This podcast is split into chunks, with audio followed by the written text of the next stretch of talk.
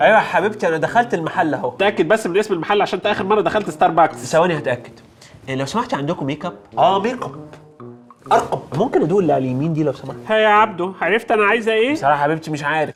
يا أنا مش محفظاك كل حاجة قبل ما تنزل. معلش يا حياتي؟ بس أنت حاجتك مكلكعه مش عارف أحفظ حاجة. مش عارف تحفظ حاجة بس فالح لي تحفظ لي لعيبة الدوري الأسباني. الله. أيوه يا حبيبتي بس مش بعتاك الميركاتو تشتريه مساء الخير يا فندم حضرتك بتدور على حاجة معينة؟ اديني بس لحظة واقول لك على كل حاجة. أيوه يا روحي. فندم لو سمحت. ما تقوليش يا روحي. داخل محل ميك اب وماسك تليفون في ايدي وبشتري هكلم حضرتك ليه؟ مين اللي بتكلمها دي يا عبدو ها؟ دي ست اللي واقفة في المحل بس افتكرتني بكلمها. ركز معايا بس يا عبدو إيه، أنا عايزة toner تونه لا ما أظنش في سمك هنا يا روحي. احفظه زي ما هو كده. ما تشغلش دماغك يا عبدو خالص ها؟ عايزة حاجة تاني؟ بص يا عبدو أنا عايزة lip liner و lip gloss واللي هو ال lipstick. طب لو لقيت لب سوري أجيب كام كيلو؟ عبدو عبدو بطل عبط وما تجودش. أنا ما بعبطش والله أنا مش عارف إيه دول. قولي لي إيه دول وأقول لك. دي حاجة كده زي الروج. طب يعني أول ما تقولي روج. أحمر شفاه. معروف. تشمي يا فندم. أنا عايز بس بربع جنيه انتظار. منتظر يا فندم. خد وقتك. وعايزة كمان ماسكرا بلاش مسخرة بقى. قديمة يا عبدو قديمة وإحنا كستات بنقولها كتير. أنا بالنسبة لي جديدة فقلتها. بصراحة يا فندم إيه، قديمة. عبدو ما تجودش. ما, ما, ما تجودش وايه تاني عايزة حاجة تاني؟ آه هات beauty blender آه لا ده أنا عارفه ده. أنا عارف ده خلاط. خلاص إيه؟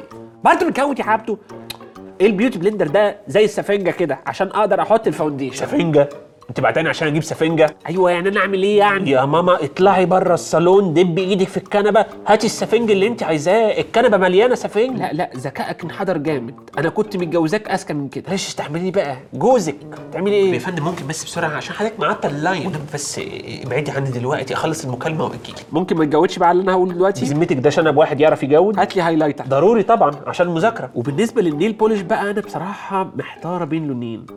يا إما ال crimson red يا إما ال daring red شوفي اللون اللي انت عايزاه وأنا لو ما لقيتوش هنا هعدي على سمير وعادي أجيب منه. حضرتك مش معبرني ليه؟ إكمني يعني شبه كارلوس بيول بتاع برشلونة؟ يا ماما استني شوية. استني بكلم الست. عبدو أنا طلع لي هالات منك. أنت اتغيرتي على فكرة من ساعة ما اتجوزنا. عبدو أنا تعبت.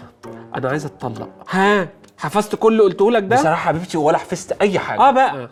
ما أنت أصلك نازل تهزر. بص يا دي يا عبدو ياض أنا هقفل السكة وتصرف أنت. وحسك عينك تنسى حاجة أو تجيب حاجة غلط. أنا بقول أهو. سلام يا عبدو ألو. ألو.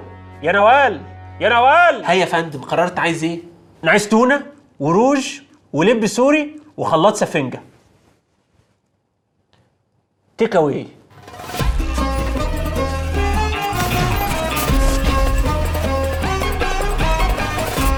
أعزائي المشاهدين السلام عليكم ورحمة الله وبركاته. أهلا بكم في حلقة جديدة من برنامج الدحيح. في أوائل السبعينات في أحد مدن ولاية فيلادلفيا دكتور الأطفال هيرب فيدلمان جات له بنوتة تعبانة عندها ثلاث سنين. مالك يا بطه في إيه؟ في الواقع يا عزيزي البنوتة ما كانتش عارفة تتكلم عشان ترد عليه. كانت حاسة بخمول شديد مع انها كانت كويسة وبتلعب مع صحابها من شوية. دكتور هيرب يا عزيزي كان مذاكر كويس واخد باله إن دي حالة تسمم بس مش حالة تسمم عادية. البنوتة ما كانتش كبدة من العربيه في الشارع يعني. لا كان عندها تسمم من الرصاص. وهنا كان السؤال البنوتة دي تعرضت لكمية كبيرة من الرصاص تجيب لها تسمم منين؟ واحد يقول لي يا أبو حميد ما يمكن كانت بتلعب فحطت القلم الرصاص في بقها ما كلنا كنا أطفال وكنا بنحط حاجات في بقنا. أقول له لا غلط. عزيزي أنا هنا بتكلم على الرصاص اللي بجد اللي هو رمزه الكيميائي Pb ال lead وبيستخدم في تصنيع البطاريات. بس في السبعينات لما دكتور هيرب جات له البنوتة الرصاص كان له استعمالات تانية كتير. وأهمها كان صناعة الدهان الأبيض. عشان الرصاص كان بيخلي الدهان ناعم أكتر فيتفرد بسهولة على الحيطة. زائد إنه بيخليه يثبت أكتر ولونه بيبقى أبيض براق لكن الرصاص كان بيدي الدهان الأبيض ميزة كمان غريبة جدا. كان بيخليه عزيزي مسكر. آه مسكر. زي ما سمعت كده. يعني لو أكلته هتلاقي طعمه مسكر. يا نهار أسود. يعني أنا آكل رصاص؟ أيوه عزيزي ده طعمه لذيذ جدا. وبعدين كله حديد. وعارف يا عزيزي مين بيحب الحاجات المسكرة؟ دكتور هيرب بدأ يجيله حالة ورا حالة ورا حالة. كلهم أطفال عندهم نفس أعراض البنوتة اللي جات له قبل كده. وكان تفسيره إن الأطفال دول بسبب أكلهم للدهان الأبيض اللي كان بيقع من على الحيطان القديمة مثلا جالهم تسمم من الرصاص. بس دكتور هيرب كان عنده تساؤل أكبر. لو الأطفال اللي تعرضوا للرصاص بكميات كبيرة جالهم تسمم. إيه وضع الأطفال اللي بيتعرضوا له بكميات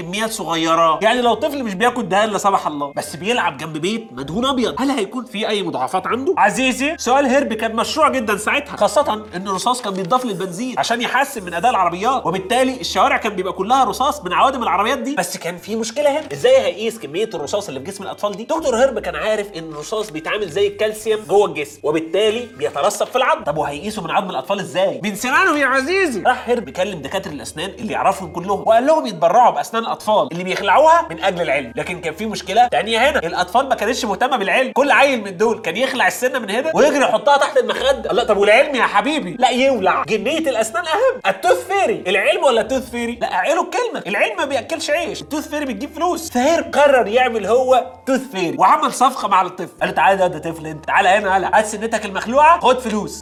يا عم خد سناني هات فلوس بقى. على فكرة اتفقت مع دكتور تاني بيدي مرتين الكلام ده بس عشان خاطرك هبيعلك السنة بدولار ونص. المهم هيرب كان ياخد أسنان الأطفال دي ويقيس كمية الرصاص اللي فيها وبعدين يديهم امتحانات قدرات ذهنية منها امتحان ال IQ وكانت المفاجأة إن الأطفال اللي في جسمهم كميات قليلة من الرصاص جابوا درجات أقل بشكل واضح عن الأطفال اللي في سنهم. وده كان أول دليل علمي بان التعرض للرصاص. حتى لو بنسب قليلة ممكن يكون ضار بالصحه وبفضل تجربة هيرب اللي اتنشرت سنة 1979 تم منع استخدام الرصاص في الدهان وتجريم إضافة الرصاص للبنزين. بفضل دكتور هيرب الجرعة الآمنة للرصاص في جسم الأطفال تحولت من 60 مايكروجرام لكل ديسيليتر في السبعينات للصفر مايكروجرام لكل ديسيليتر النهارده في 2021 لكن المثير للتأمل إن في منتج في ناس مننا بتستعمله بشكل يومي. بل وفي أطفال كمان بيستعملوه والمنتج ده بيحتوي على الرصاص. وده مش في السبعينات ده النهارده today المنتج ده هو صباع الروج. صباع الروج يا أبو حميد. ده لا يشك في صوابع العشرة ولا يشك في صباع الروج. صباعين يا عزيزي ما شكش فيهم. صباع الروج وصباع المحشي. واحد يقول لي يا أبو حميد أنت عايز تقول لي إن صباع الروج هو اللي مأثر على مسيرتي التعليمية ودرجاتي؟ لا يا عزيزي مش للدرجة دي مش هنرمي مشاكلنا على الناس. بس صباع الروج يا عزيزي فيه فعلا نسبة من الرصاص بتوصل لسبع أجزاء من المليون. يعني لكل مليون جزيء من صباع الروج في حوالي سبع جزيئات رصاص. ومش صباع الروج بس ده الاي لاين والفاونديشن والاي شادو والبلاش والكونسيلر والمويسترايزر. طبعا يا عزيزي أنا عارف كويس جدا الفرق بين الحاجات اللي أنا قلتها دي. بالآخر يا عزيزي علبة المكياج عاملة قلق جامد. واحد يقول لي إزاي ده بيحصل عادي كده؟ إزاي حاجة؟ مئات الملايين من الستات بيستعملوها يوميا. يكون فيها مواد سامة. وزي ما هنشوف كمان شوية مسرطنه إحنا إزاي ساكتين على كل ده؟ وحاطين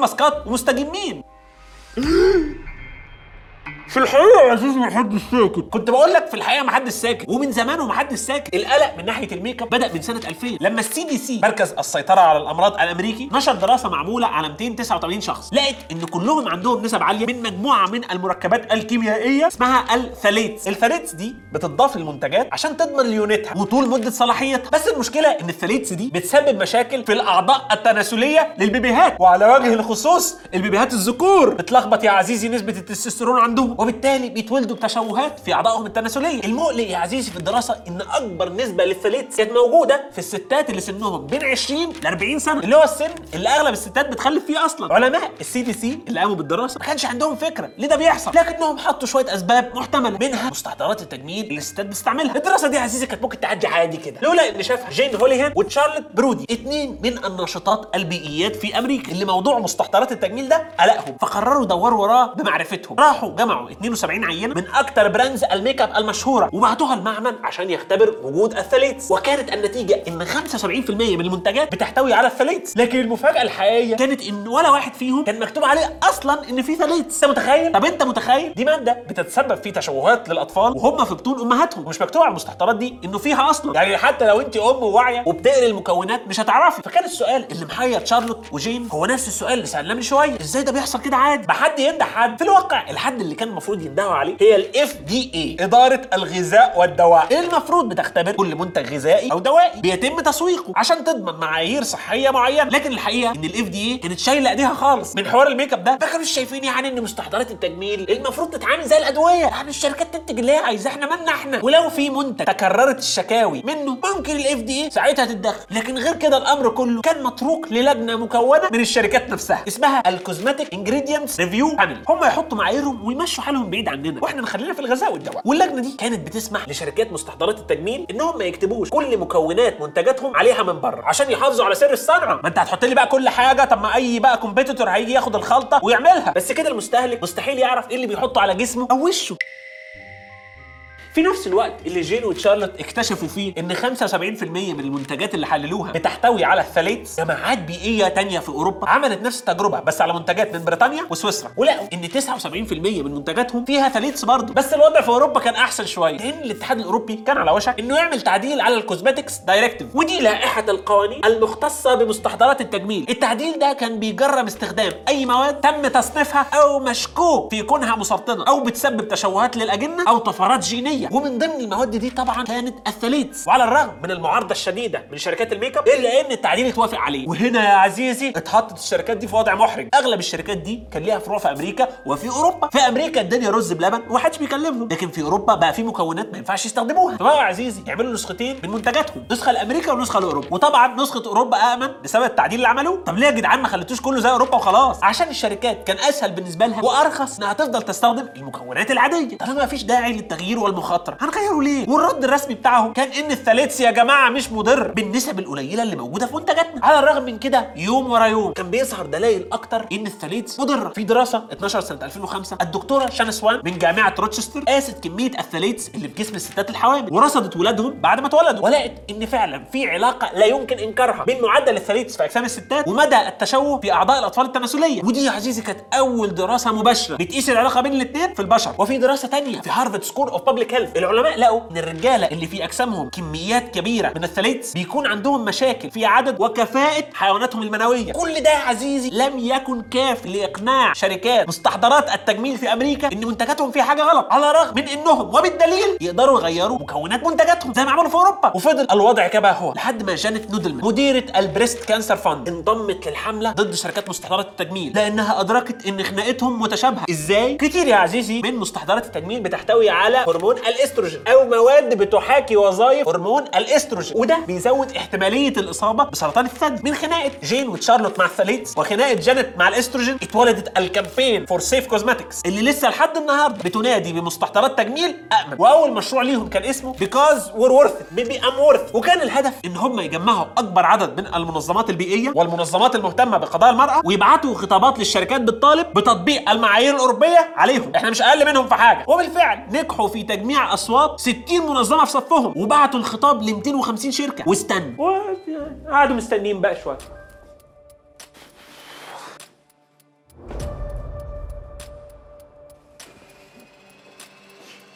لسه هنا؟ بس بقى يا عزيزي كنا بنقول إيه؟ لحد ما جالهم أول موافقة من شركة صغيرة بتعمل مستحضرات تجميل من مواد طبيعية وعلى مدار كام شهر جات لهم موافقات من حوالي 35 شركة صغيرة مشابهة. لكن الشركات الكبيرة اكتفت بإنها تقول إن كل مكوناتها آمنة ومفيش داعي للقلق واحد يا عزيزي من أكتر الردود المثيرة للسخرية اللي تلقوها كانت من شركة لوريال اللي طلبت منهم بكل هدوء يغيروا اسم حملتهم اللي هو Because We're Worth ليه؟ عشان لوريال معاها حقوق ملكية الجملة دي. استعملتها في حملة تسويقية قبل كده. فلو سمحتوا شيلوه بالهداوة عشان ما تدخلش ناس بينا وكتبوا note في الآخر إن ده مش معناه إن هم موافقين أو معترضين على طلبهم. إحنا بس مش عايزين نعمل مشاكل عشان حقوق الملكية. وفي الآخر اضطرت حملة ال Safe Cosmetics فعلا إنهم يغيروه. عشان ما ندخلش في قواضي يعني. ولكن على الرغم من البداية الغير مبشرة دي إلا إن الحملة كملت. ومع بداية 2007 كان منضم ليها 500 شركة منهم 90 بره أمريكا. مع ضغط إعلامي أكتر وأكتر الشركات الكبيرة كمان اضطرت إنها تسمع الكلام. وشركات زي ريفلون ولوريال ويونيليفر ردوا بالموافقة على إنهم هيغيروا من مكونات منتجاتهم في العالم كله عشان تناسب المعايير الأوروبية.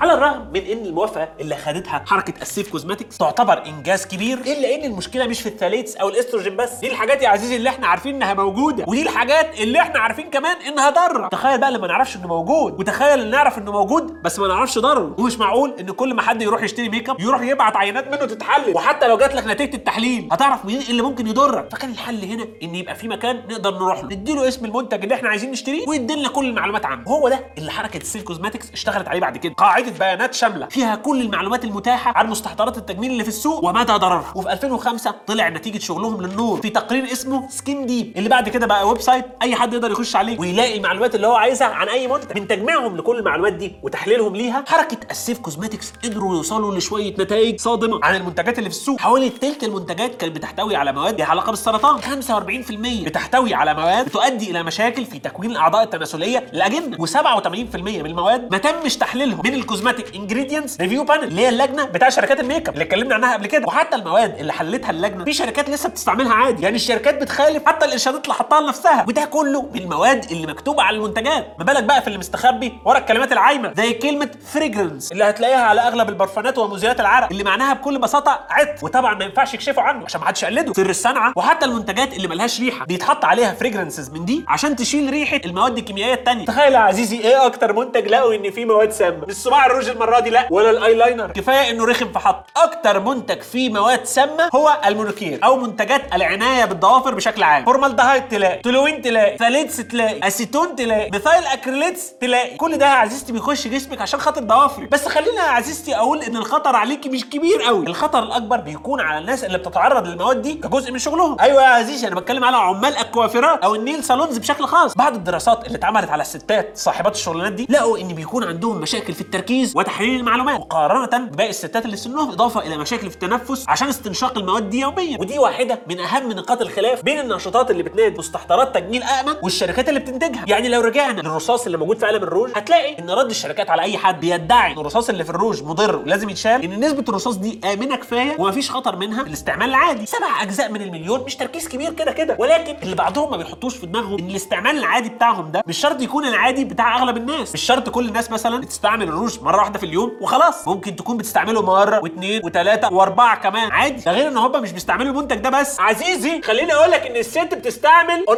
average في المتوسط 12 مستحضر تجميل في اليوم. وتخيل بقى مش عارف إيه اتغدت فمش عارف تمسحت مش عارف إيه فترجع تحطه تاني cycle بقى. ده زائد إن مش كل الناس كبيرة كفاية انها تفهم إن في خطر عليهم من الاستعمال المتكرر. في مراهقات وحتى أطفال بيستعملوا المنتجات دي بدون أي ترشيد. ده غير طبعا العاملات في المجال ده اللي بيتعرضوا لكميات أكبر بكتير من الاستعمال العادي. من الآخر الشركات محتاجة تدرك إن منتجاتها مش بتتعامل زي الأدوية لا بالنسبة للتحاليل اللي بتتاكد من صحتها ولا من ناحية المستهلكين نفسهم مع إنها المفروض يعني تتعامل زي الأدوية. فيا إما يعاملوها زي الأدوية فعلا يا إما يشيلوا بقى منها كل المواد السامه دي.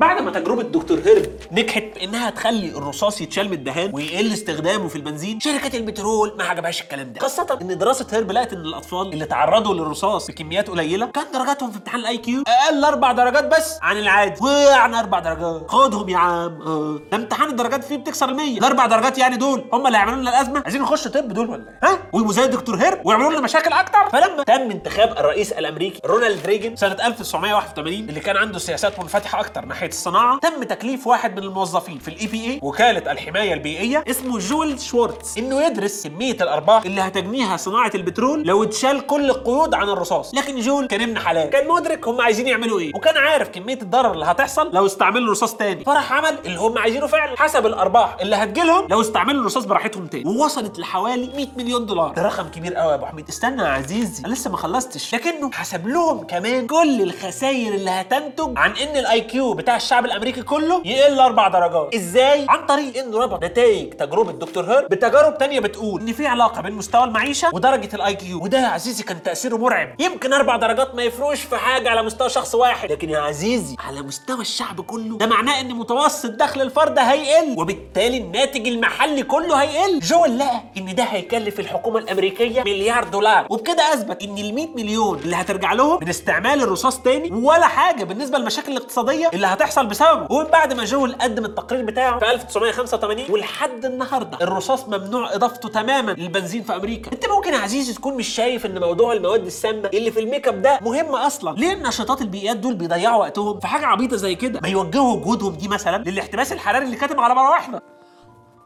لأن الميك اب اقرب حاجة لينا بعد الاكل اللي بناكله والهدوم اللي بنلبسها. حتى لو انت راجل وما بتستعملش ميك اب فانت بتستعمل منتجات. نفس الشركات الميك اب بتنتجه. من مزيل العرق للشامبو لمعجون الحلاقة لمعجون السنان حتى. كلها فيها من المواد السامة. آه النسب صغيرة يا عزيزي. وما تجيش حاجة بالنسبة لكمية التلوث اللي بترميه المصانع في المية. لكنها نسبة بتخش جسم كل واحد فينا بمختلف الجنسيات والأعمار. اللي بتقوله لنا قصة دكتور هيرب وجول مع الرصاص إن تراكمات النسب الصغيرة دي خطيرة زيها بالظبط. زيها بالظبط زي الكوارث البيئية الكبيرة. لأن لو كلنا كأفراد بنستعمل منتج معين وبيدخل في جسمنا نسبة معينة من مادة سامة ده معناه إن العالم كله بيزيد فيه نسبة المادة السامة دي. وأكبر دليل على إن دي خناقتنا كلنا إن نفس الخناقة بتاعت حركة ال Safe Cosmetics في أمريكا حصلت في أوروبا وكوريا الجنوبية والفلبين والصين. طبعا في نتائج إيجابية بتحصل كتير سنة ورا سنة. وآخرها كان توقف شركة Johnson and Johnson عن تصنيع بودرة ال baby بتاعتها من مادة التلك في 2019 بعد سنين من تجاهل وجود نسبة صغيرة من الأسبستس اللي بيؤدي إلى سرطانات. وفي المستقبل نتمنى إن يبقى فيه خطوات أكتر. لكن لحد ما كل الخطوات دي تتاخد مهمتك يا عزيزتي ويا عزيزي انكم تحموا نفسكم بنفسكم. مش هقول لك ما تستعملش المنتجات دي خالص. عشان مستحيل حد فينا ما يستعملش معجون أسنان أو مزيل عرق. ويا ريت يا عزيزي نستعملهم كتير أرجوك. لكن على الأقل يا عزيزي خد بالك على قد ما تقدر إنك تشتري منتجات ما تضركش. بص على مكونات المستحضرات اللي بتشتريها. في شركات بتنتج منتجات طبيعية. ممكن تبقى أغلى أو مش بنفس الكفاءة أو مدة صلاحيتها مش اللي متعودين عليها لكنها ممكن تبقى